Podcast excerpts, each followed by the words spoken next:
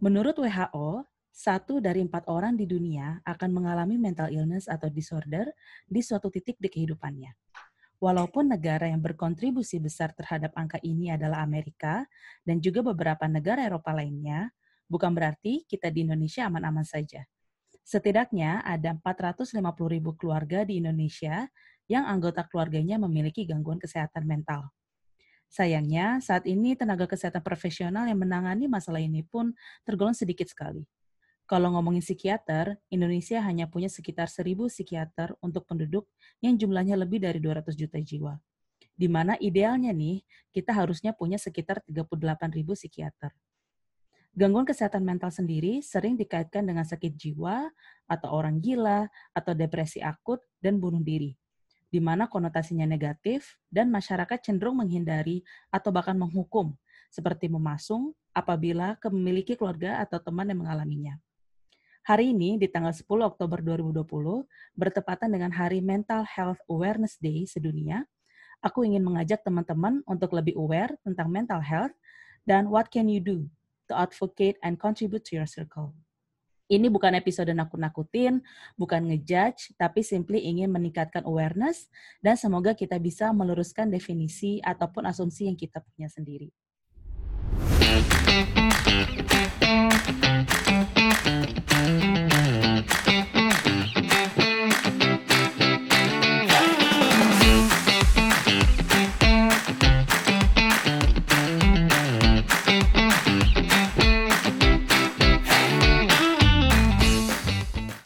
Tentunya aku tidak sendiri di episode ini karena aku bersama Dea. Dea, halo Hai. apa kabar? Hai, Pi. I'm very good. Kamu juga apa kabar? Baik. Terima kasih sudah mau meluangkan waktunya untuk berbagi topik yang penting dan krusial banget ini. Yes, my pleasure, my pleasure. Nah, Dek, boleh ceritain dong sehari-hari lo kesibukannya apa and how it relates with mental health awareness topic? Yes, uh, oke. Okay. Jadi uh, aku Dea, thank you Titi udah diundang ke podcastnya yang super keren ini. Uh, sekarang kerja di Gojek untuk salah satu produknya Pay Later, kalau pada tahu. Semoga pada tahu sih. Kalau nggak, berarti aku gagal. um, kalau ngelihat dari day job, uh, mungkin pada bertanya-tanya ya kayak kenapa kok hari ini bisa diundang Titi untuk ngobrolin mental health gitu soalnya jauh banget kayaknya industrinya kan dari tech company ke um, apa yang kita mau ngomongin hari ini Cuma hmm. sebenarnya di luar kesibukan kerja itu, aku sambil membangun organisasi yang bergerak di mental health services yang namanya Support Circle. Dan sekarang udah berjalan hampir dua tahun gitu. Nah, apa itu Support Circle? Mungkin nanti kita ngobrol lagi ya. yes, tentunya. Jadi, um, dia ini adalah speaker yang emang uh, menurut gue tuh cocok banget untuk ngebahas tentang masalah mental health awareness. Uh, di sini untuk meluruskan juga ya scope percakapan kita bukan untuk hmm.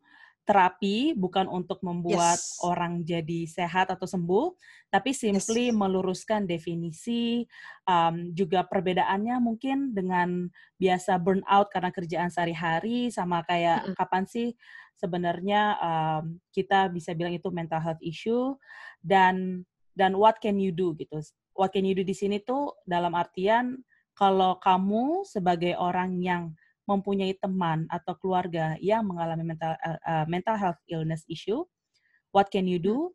Dan kalau misalnya kamu merasa kamu apa memiliki gejala atau mungkin uh, merasa memiliki mental health illness, uh, itu what can you do juga gitu ya.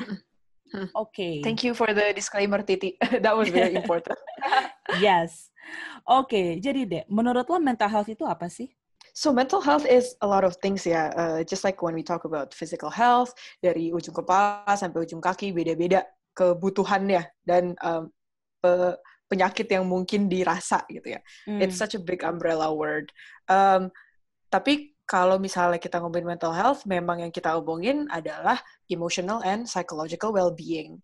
Um, tadi Titi sempat uh, dapat data juga dari WHO ya, dan um, mm. kebetulan aku juga suka nih sama definisi dari uh, eh, WHO tentang mental health yaitu it's a state of well-being di mana seseorang tahu betul abilities dia, batas-batas kapasitas dia dan awareness ini memungkinkan dia untuk menjadi individual yang produktif bisa cope with stress dengan baik dan uh, akhirnya bisa memberikan kontribusi yang uh, bagus dan sesuai ke komunitasnya gitu. Mungkin yang biasanya otomatis muncul di kepala orang-orang kalau uh, ngomongin mental health gitu ya, hmm. itu langsung ke mental illness nih. Hmm. Padahal um, and by mental illness I mean uh, you know depression, anxiety, bipolar disorders and the likes. When in reality there's a lot you can do to take care of your mental health before it even gets to that point kan di mana it hmm. can be considered an illness gitu. I see. Terus menurut lo kenapa sih ini tuh penting? Kenapa topik ini orang-orang harus aware dan bahkan mengadvocate tentang mental health awareness? Yeah, it's very important ya to do your homework on mental health karena yang uh, aku sempat sebut tadi juga masih banyak yang suka salah kaprah. Hmm. Belum lagi stigma tentang mental illness yang macam-macam. Uh, padahal kalau misalnya kita as a society kita collectively are more aware, makin besar peluangnya untuk early interventions di kalangan orang-orang yang memang membutuhkan. Hmm. Uh, early interventions ini apa?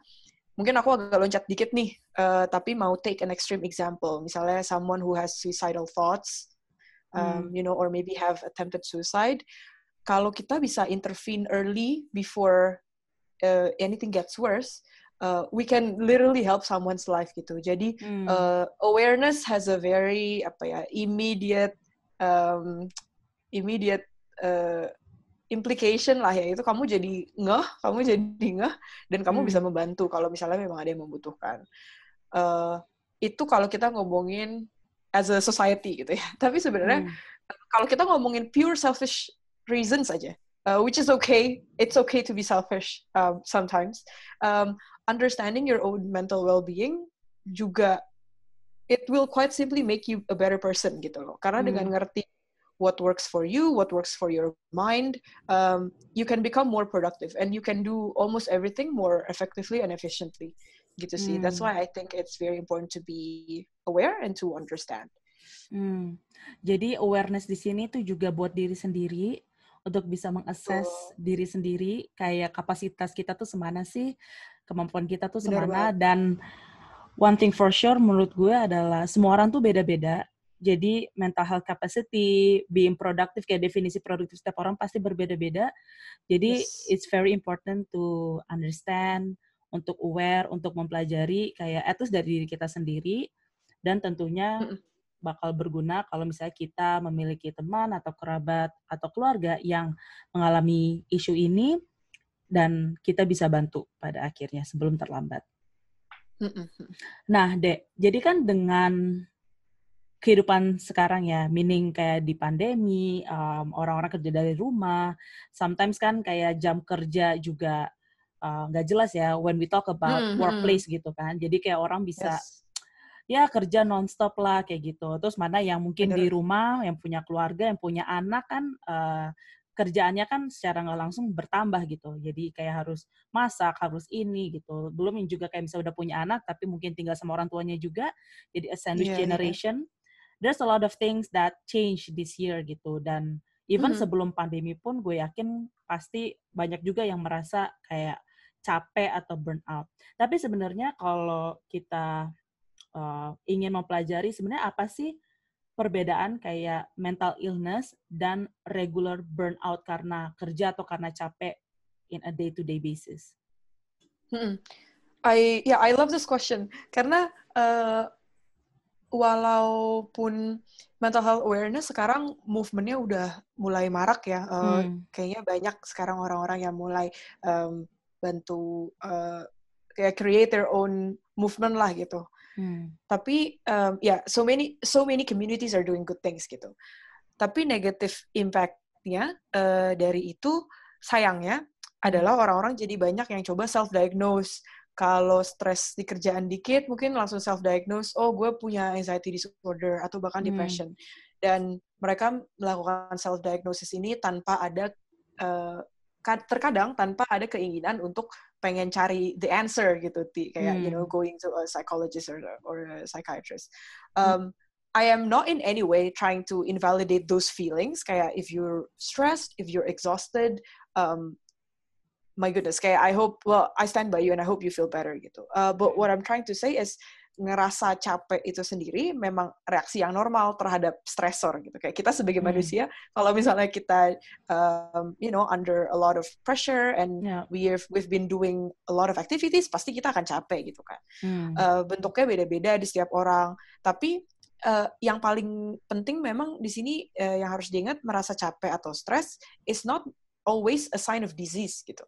Hmm. Nah, um, having said that, uh, kalau capeknya memang it's super extreme gitu ya, kayak it's extreme exhaustion, terus kamu juga kok uh, merasakan kesedihan yang berlarut-larut, memang hal-hal itu bisa jadi simptom gitu. Hmm. Um, dan biasanya kalau kita mulai udah mengarah ke ini mental illness bukan ya.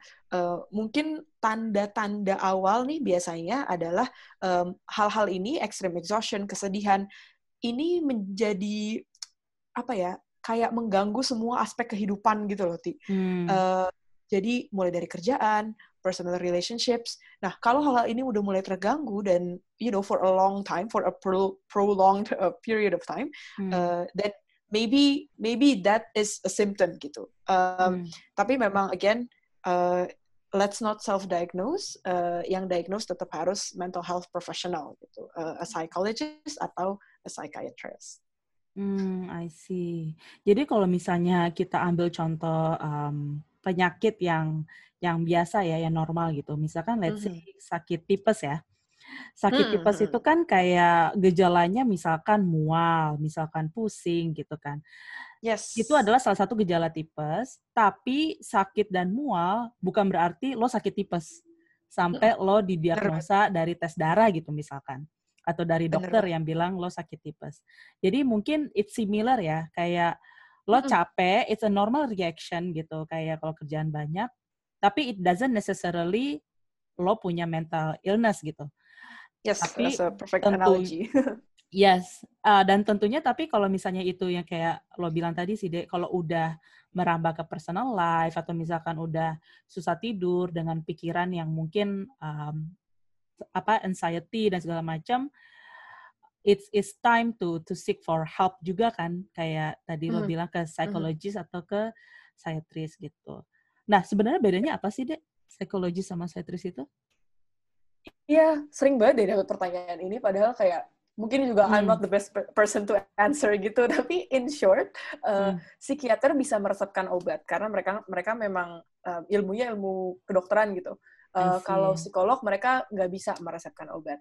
Um, but uh, nonetheless, dua-duanya berperan dalam mengatasi masalah mental health dan mereka pun bisa saling melengkapi gitu. Oh, Oke, okay. psikolog tuh kayak terapis ya, bukan?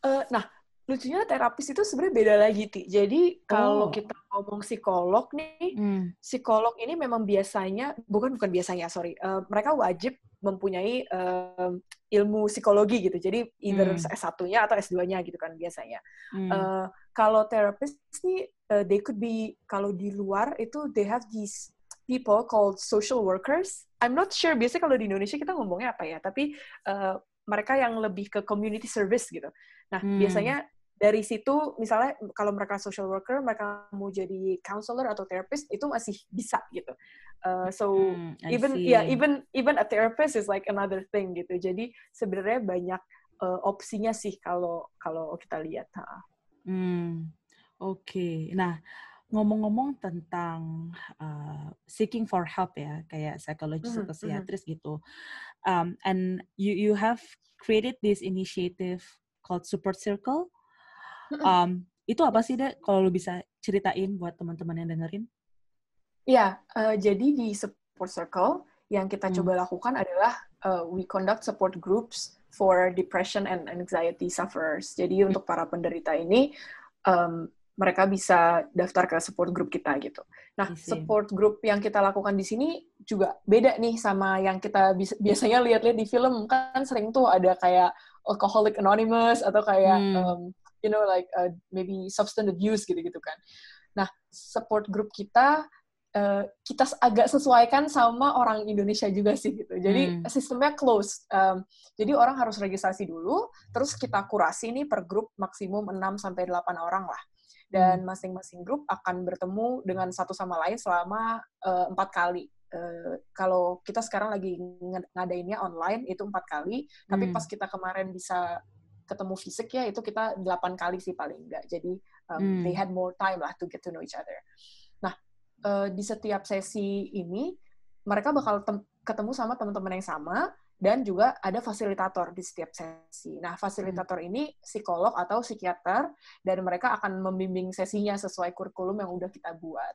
So, I think um, tadi the statistic that you brought in the apa at the beginning itu emang penting banget sih karena yang hmm. kita notice juga nih dalam membangun support circle ini ya ternyata ya memang akses ke akses ke psikolog dan psikiater itu sebegitu terbatasnya gitu loh. Hmm. Um, kalau kamu tahu kamu harus ke mana, you're you're probably privileged gitu kan untuk tahu kamu harus ke mana. Jadi hmm. um, yang kita lihat juga uh, dengan membangun support circle ini, support group tidak menggantikan um, role psikolog atau psikiater kalau misalnya kamu memang butuh terapi ya. Karena kan beberapa orang hmm. uh, mungkin mereka memang butuh terapi yang berkelanjutan gitu. Cuma hmm uh, support group ini bisa jadi salah satu um, you know something on the side that can help you gitu.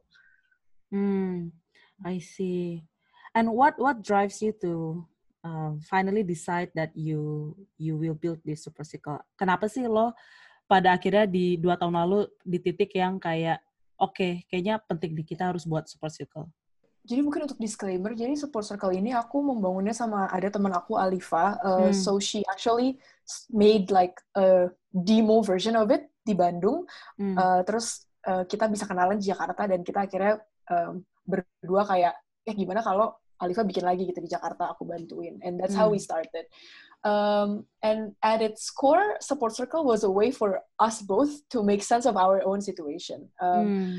Sebelum sebelum aku ketemu Alifa bahkan untuk mulai ngomongin um, apa yang kita bisa lakukan, I was uh, also previously diagnosed with major depression, and it took me a resignation from a job mm. uh, and four months of unemployment to even start recovering gitu, to again make sense of the situation gitu kan. Dan saat aku menjalani itu semua, yang aku butuhkan ternyata bukan ilmu baru gitu. Gimana ya? Um, karena kalau kita ngomongin kayak googling depresi itu apa, gimana cara curingnya, pasti ada aja artikel di internet gitu kan. Betul. Tapi uh, so all of that is very overwhelming gitu. Uh, yang aku ternyata butuhkan adalah teman-teman yang benar-benar ngerti gitu the feelings I was going through tanpa syarat tanpa judgment and hmm. I'm not saying I have you know I don't have loving friends and family kayak thankfully alhamdulillah I do gitu cuma hmm. um, those conversations were not easy with them karena mereka nggak ngerti ti gitu mereka hmm. pasti um, yeah.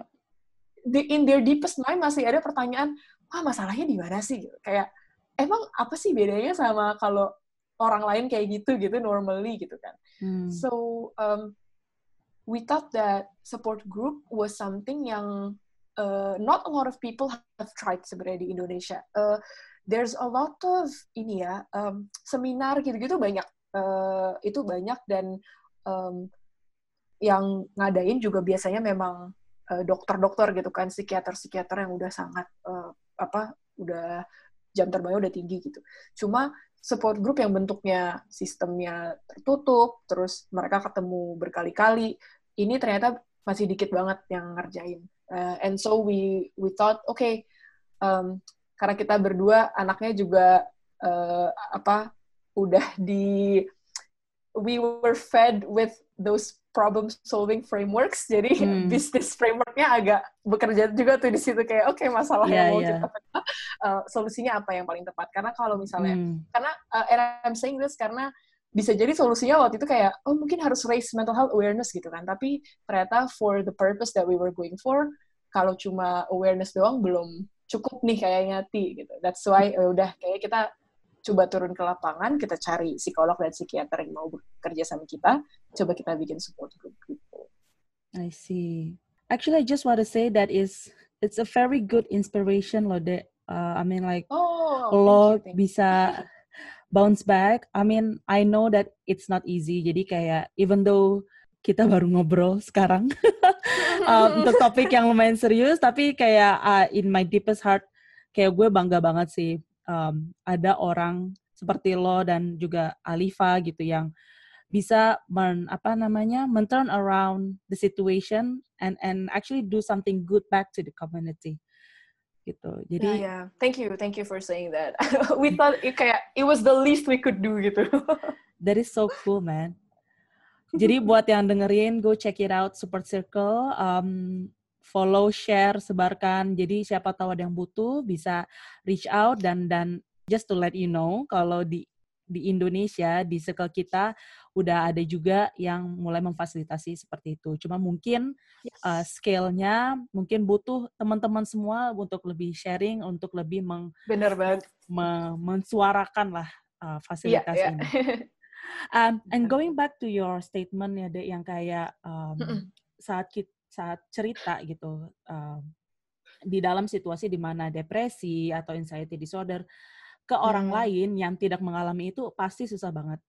Karena yes. gue kebayang kayak misalkan as simple as kayak misalnya gue curhat gitu ke teman gue, teman gue tidak pernah mengalami kejadian gue alami, itu aja yep. tuh susah gitu. Let alone untuk um, facing a depression atau um, apa namanya? this anxiety disorder gitu. Dan salah satu hal yang sering gue baca belakangan ini tuh adalah tentang toxic positivity gitu. Jadi hmm. kayak hmm. everyone seems like kayak lo cerita terus kayak ya elah gitu doang sih nggak usah dipusingin gitu kayak ya elah gitu yep, doang yep. sedih gitu kan ya elah gitu doang yep. ya elah ya elah ya elah gitu doang gitu yep. what is your thought about that yeah oh wow um, this is a very interesting question kita pernah soalnya kalau nggak salah ada kayak satu dua post gitu tentang toxic positivity juga on support circle uh, hmm. karena emang menarik banget um, my thoughts are um, kenyataannya gini, kita tuh emang uh, mungkin banyak dari kita yang uh, you know we were brought up in a in a family hmm. uh, yang selalu mindsetnya itu uh, udah coba lagi aja terus kayak everything will be fine you know things yeah. things parents would say to a child karena memang they love their children dan mereka pengen their children don't get too stressed out kan gitu it, it makes hmm. sense to me um, Cuma uh, ternyata padahal kalau pas kita udah mulai masuk ke umur-umur segini, terus kayak hmm. kita ngobrol sama teman sesama, um, you know, teman kerja, teman umur yang umurnya sama kayak kita, hmm. uh, those words yang kayak udah everything will be fine, terus kayak oh uh, apa sih, uh, you will you will find a better one atau gimana gitu ya uh, sebenarnya hal-hal itu lebih destruktif dibanding membangun gitu. Hmm. Jadi kalau my thoughts on this adalah um, kita harus lebih aware aja kalau kita ngomong apa, mengrespon apa, uh, efeknya ke orang lain itu bakal kayak gimana. Dan bahkan sebelum kita even respon dengan suatu kalimat atau suatu um, biasanya kalau kita dicurhatin suka ini kan jump into conclusion kita langsung ngasih solusi gitu. Betul. Nah before you even do that kamu tanya dulu deh ke orangnya itu kayak the the least we can do adalah nanya dulu lo mau apa dari gue sebenarnya lo pengen gue dengerin aja atau lo pengen gue you know hmm. ngasih solusi saran, atau apa ya. gitu. Um, itu itu buat aku ketika aku lagi dalam posisi um, di bawah tadi uh, when my friends do that it's it's very helpful for me gitu. Aku jadi hmm. kayak bisa nge-frame juga oke okay, um, ternyata yang gue lagi butuh saat itu adalah gue coba butuh didengerin gitu atau gue cuma butuh apa. Um, so rather than uh, being gini, rather than maksa lo harus selalu positif ke temen lo, mending diubahnya lebih kayak try to be helpful instead and hmm. you you will only know how to help kalau misalnya lo nanya ke mereka yang lagi dibutuhkan itu apa gitu. Hmm, I see.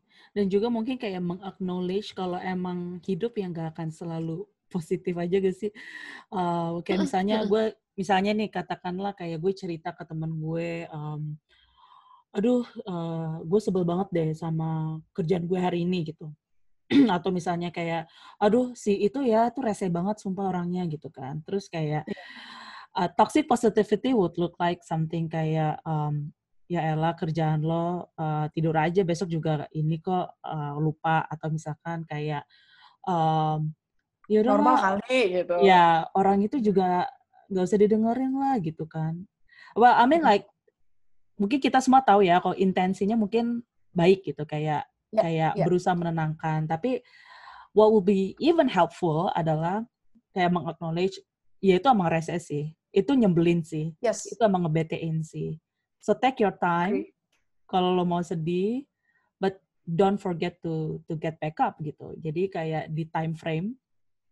Um, gue juga dulu punya uh, nggak dulu sih sekarang punya teman juga yang kayak Mhm. dulu dia sempat um, kayak patah hati um, dan kayak dunia runtuh lah intinya kayak sedih banget Mhm. gitu dan bosnya dia tuh nggak nggak bertanya nggak kayak mengintervensi gimana pun personal life-nya dia, tapi kayak oke gue tahu lo lagi sedih, lo lagi down, take one week off.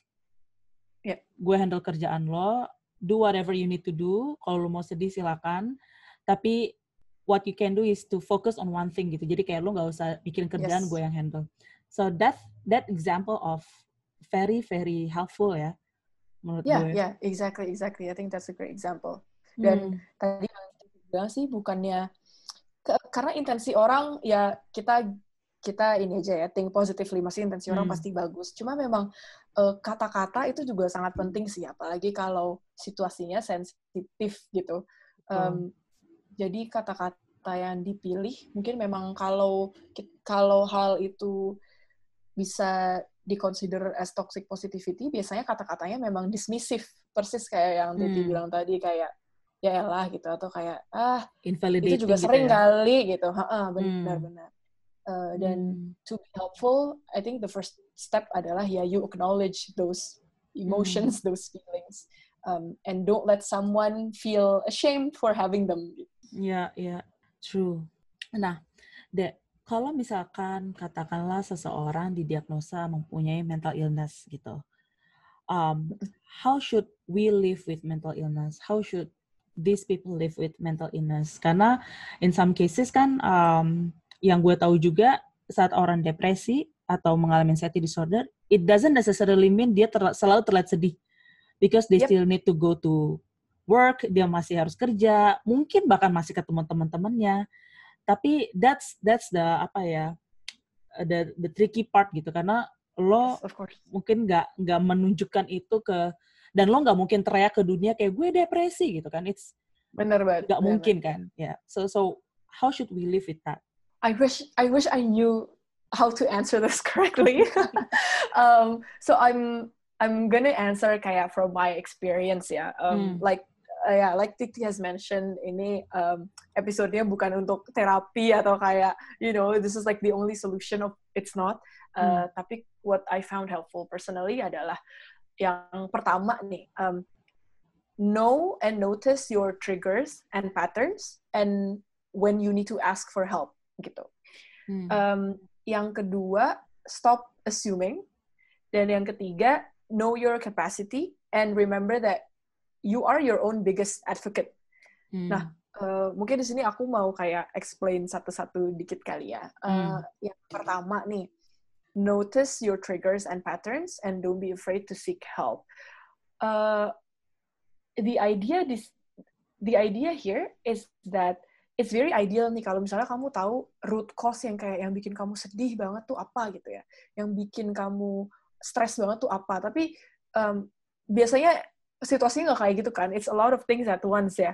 Jadi nggak Hmm. ada satu hal yang bisa kamu remove completely from your life gitu loh. Although Hmm. of course we'd love to do that.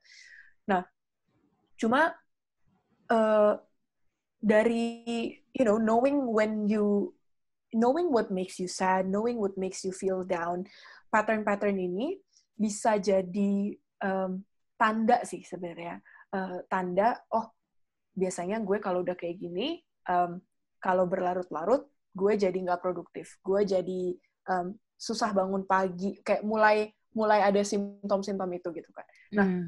uh, how to notice these patterns? Um, kalau aku pribadi suka journaling, I think it's very helpful. Hmm. Um, dan when you already know the triggers, kamu jadi bisa menghindari atau mengurangi trigger-trigger itu kan di kehidupan kamu. Bahkan next levelnya menurut aku adalah kamu bisa mulai ngubah mindset kalau misalnya trigger itu terjadi, mindset kamu yang tadinya, oh I feel attacked gitu ya, misalnya, mindset kamu bisa jadi berubah, oh oke, okay, I'm going to embrace it and I'm going to deal with it gitu contohnya. Mm. Um, so that's that's for the first one, which is knowing your triggers, patterns, and knowing when to ask for help ya. Um, yang kedua tadi aku bilang stop assuming. Nah ini ini hal yang aku juga harus belajar banget sebenarnya uh, setahun dua tahun ke belakang ini karena sering kali rasa cemas dan rasa takut itu itu sebenarnya datang dari hal-hal yang belum terjadi gitu kan yang aku coba lakukan because I wanted to get better was hmm. that I just started asking a lot of questions intinya hmm. aku pokoknya nggak mau asumsi deh gitu um, contoh nih kalau misalnya di kerjaan gitu ya kayak aduh suka asumsi kerjaan gue jelek deh. Bla bla bla kayak aduh gue kayak malu nih pasti orang-orang ngira gue jelek. Sekarang aku jadi orang yang kayak selalu minta feedback dan kalau misalnya aku merasa itu kurang aku bakal kayak oke okay, ini menurut lo kurang nggak? Menurut gue kurang. And you know so I just stop assuming. Um, also with friendships uh, terkadang we are all a bit passive aggressive ya in our relationships not just mm. friendship even kan? Uh, with our relationship with our parents our siblings.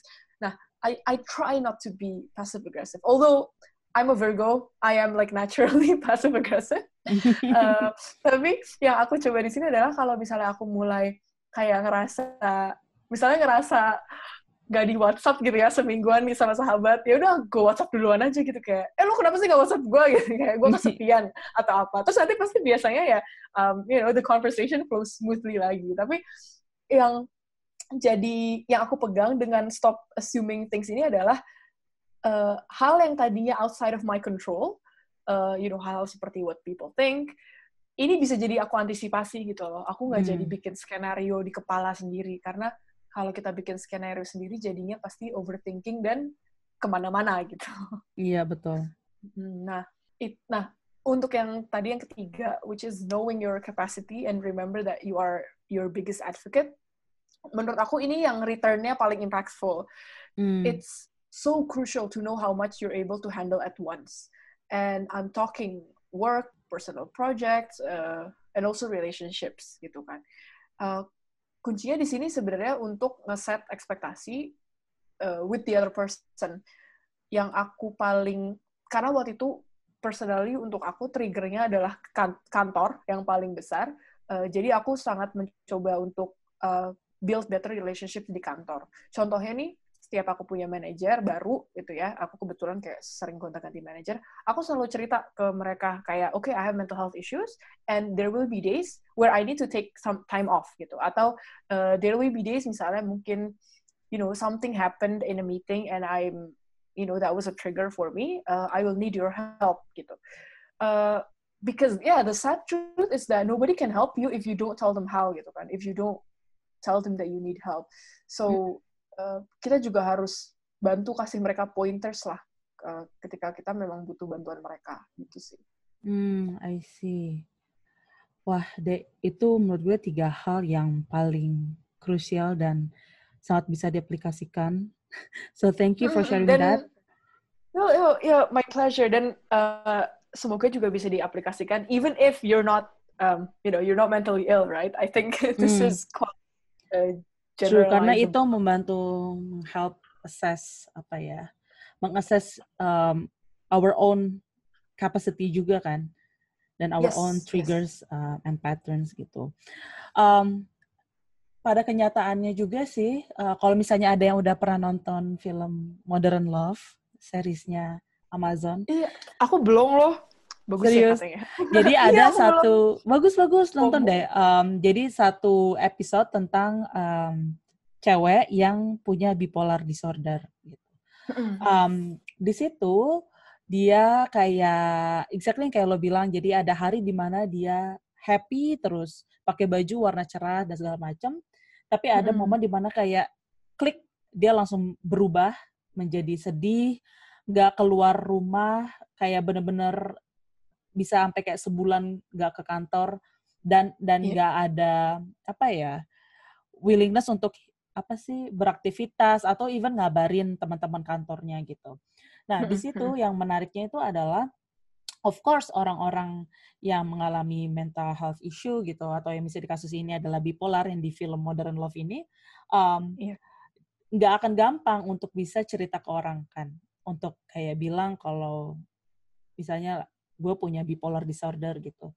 Um, benar, jadi benar. what menarik di situ adalah di filmnya temennya yang justru menotis gitu karena temennya itu tahu nih kayak oh ini teman gue kenapa masuk sebulan nggak masuk sebulan hilang mm terus ada lagi hilang terus ada lagi gitu karena kan kalau apalagi bisa di kantor ya kita kan bisa gini misalkan ada orang yang kayak suka MIA gitu ya missing in action um, mm. Terus kayak bisa tiba-tiba nggak ngabarin terus hilang gitu nah biasa tuh kayak kalau orang Indo tuh ada prejudgment kayak eh gila ya dia kerja nggak bener banget deh ngerti nggak sih kan dia digaji iya iya instead of kayak bener bertanya Iya kan, instead of bertanya kayak, gue notice lo seminggu nggak nggak masuk kantor, are you okay? Yeah. Kayak yang asking question. Yang pertama gitu. tadi bener yang pertama tadi exactly assuming kan berarti kayak betul betul bener gitu ya. Exactly. Terus jadi gosip kantor dan segala macam kan. Iya um, benar. instead of kayak mengklarifikasi bertanya dan dan dan building connection ada personal level gitu. Kalau misalnya yes. kita nggak deket ya mungkin kita tanya ke orang yang deket sama dia kayak eh coba lu cek dia deh kayak is he or is she okay? gitu.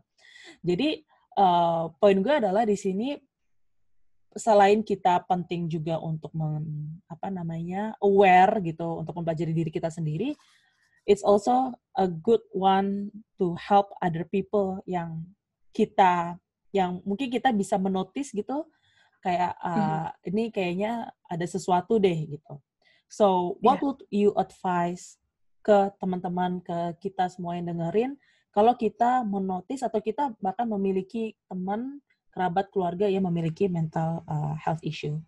Iya, um, sebenarnya dari tadi dari cerita Titi juga kayak um, I'm realizing now that those three things yang tadi aku udah sebut itu juga bisa itu apply untuk if you're the other person gitu ya, which is kayak mm. noticing someone's patterns, um, you know, stop assuming uh, things about them and knowing uh, your and also their capacity. Um, yang pasti because now kayak you're some misalnya you are someone with you are someone who's living with another person uh, who's mentally ill mm. um, yang pasti you have to open up yourself to you know being of help gitu kan um, mm. kamu di sini mungkin kamu bisa jadi adalah um, first aid-nya dia gitu loh mm. um, nah uh, the I think one important thing that you know we need to all take a note of adalah we need to understand that people with mental illnesses will go through phases and by hmm. phases bukannya kayak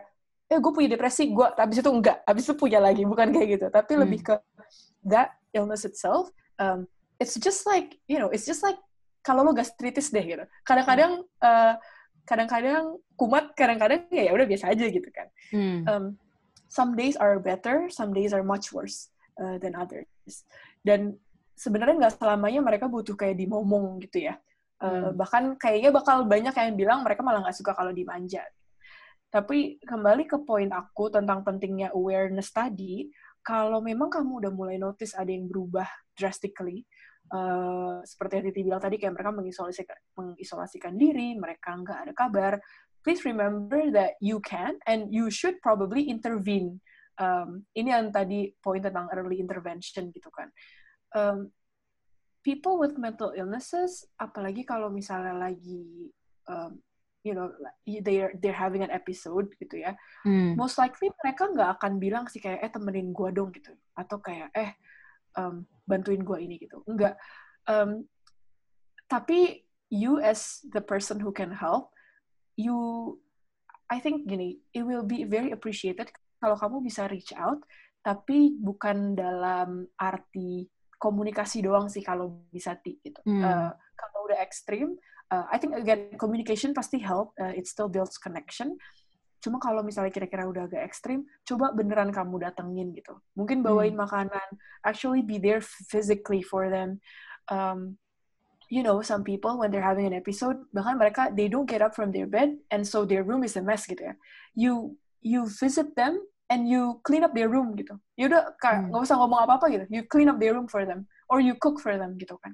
Hmm. Um, because yeah, your presence matters more than you think gitu. And uh, all this I think can also can only be done if you also do your own research kali ya. Uh, so hmm. you know, at least you know the steps lah biar you know you want to help them tapi kamu nggak mau uh, bikin mereka kaget atau takut gitu kan, um, takut ketemu orang atau gimana. So help them understand themselves better um, in the meantime gitu.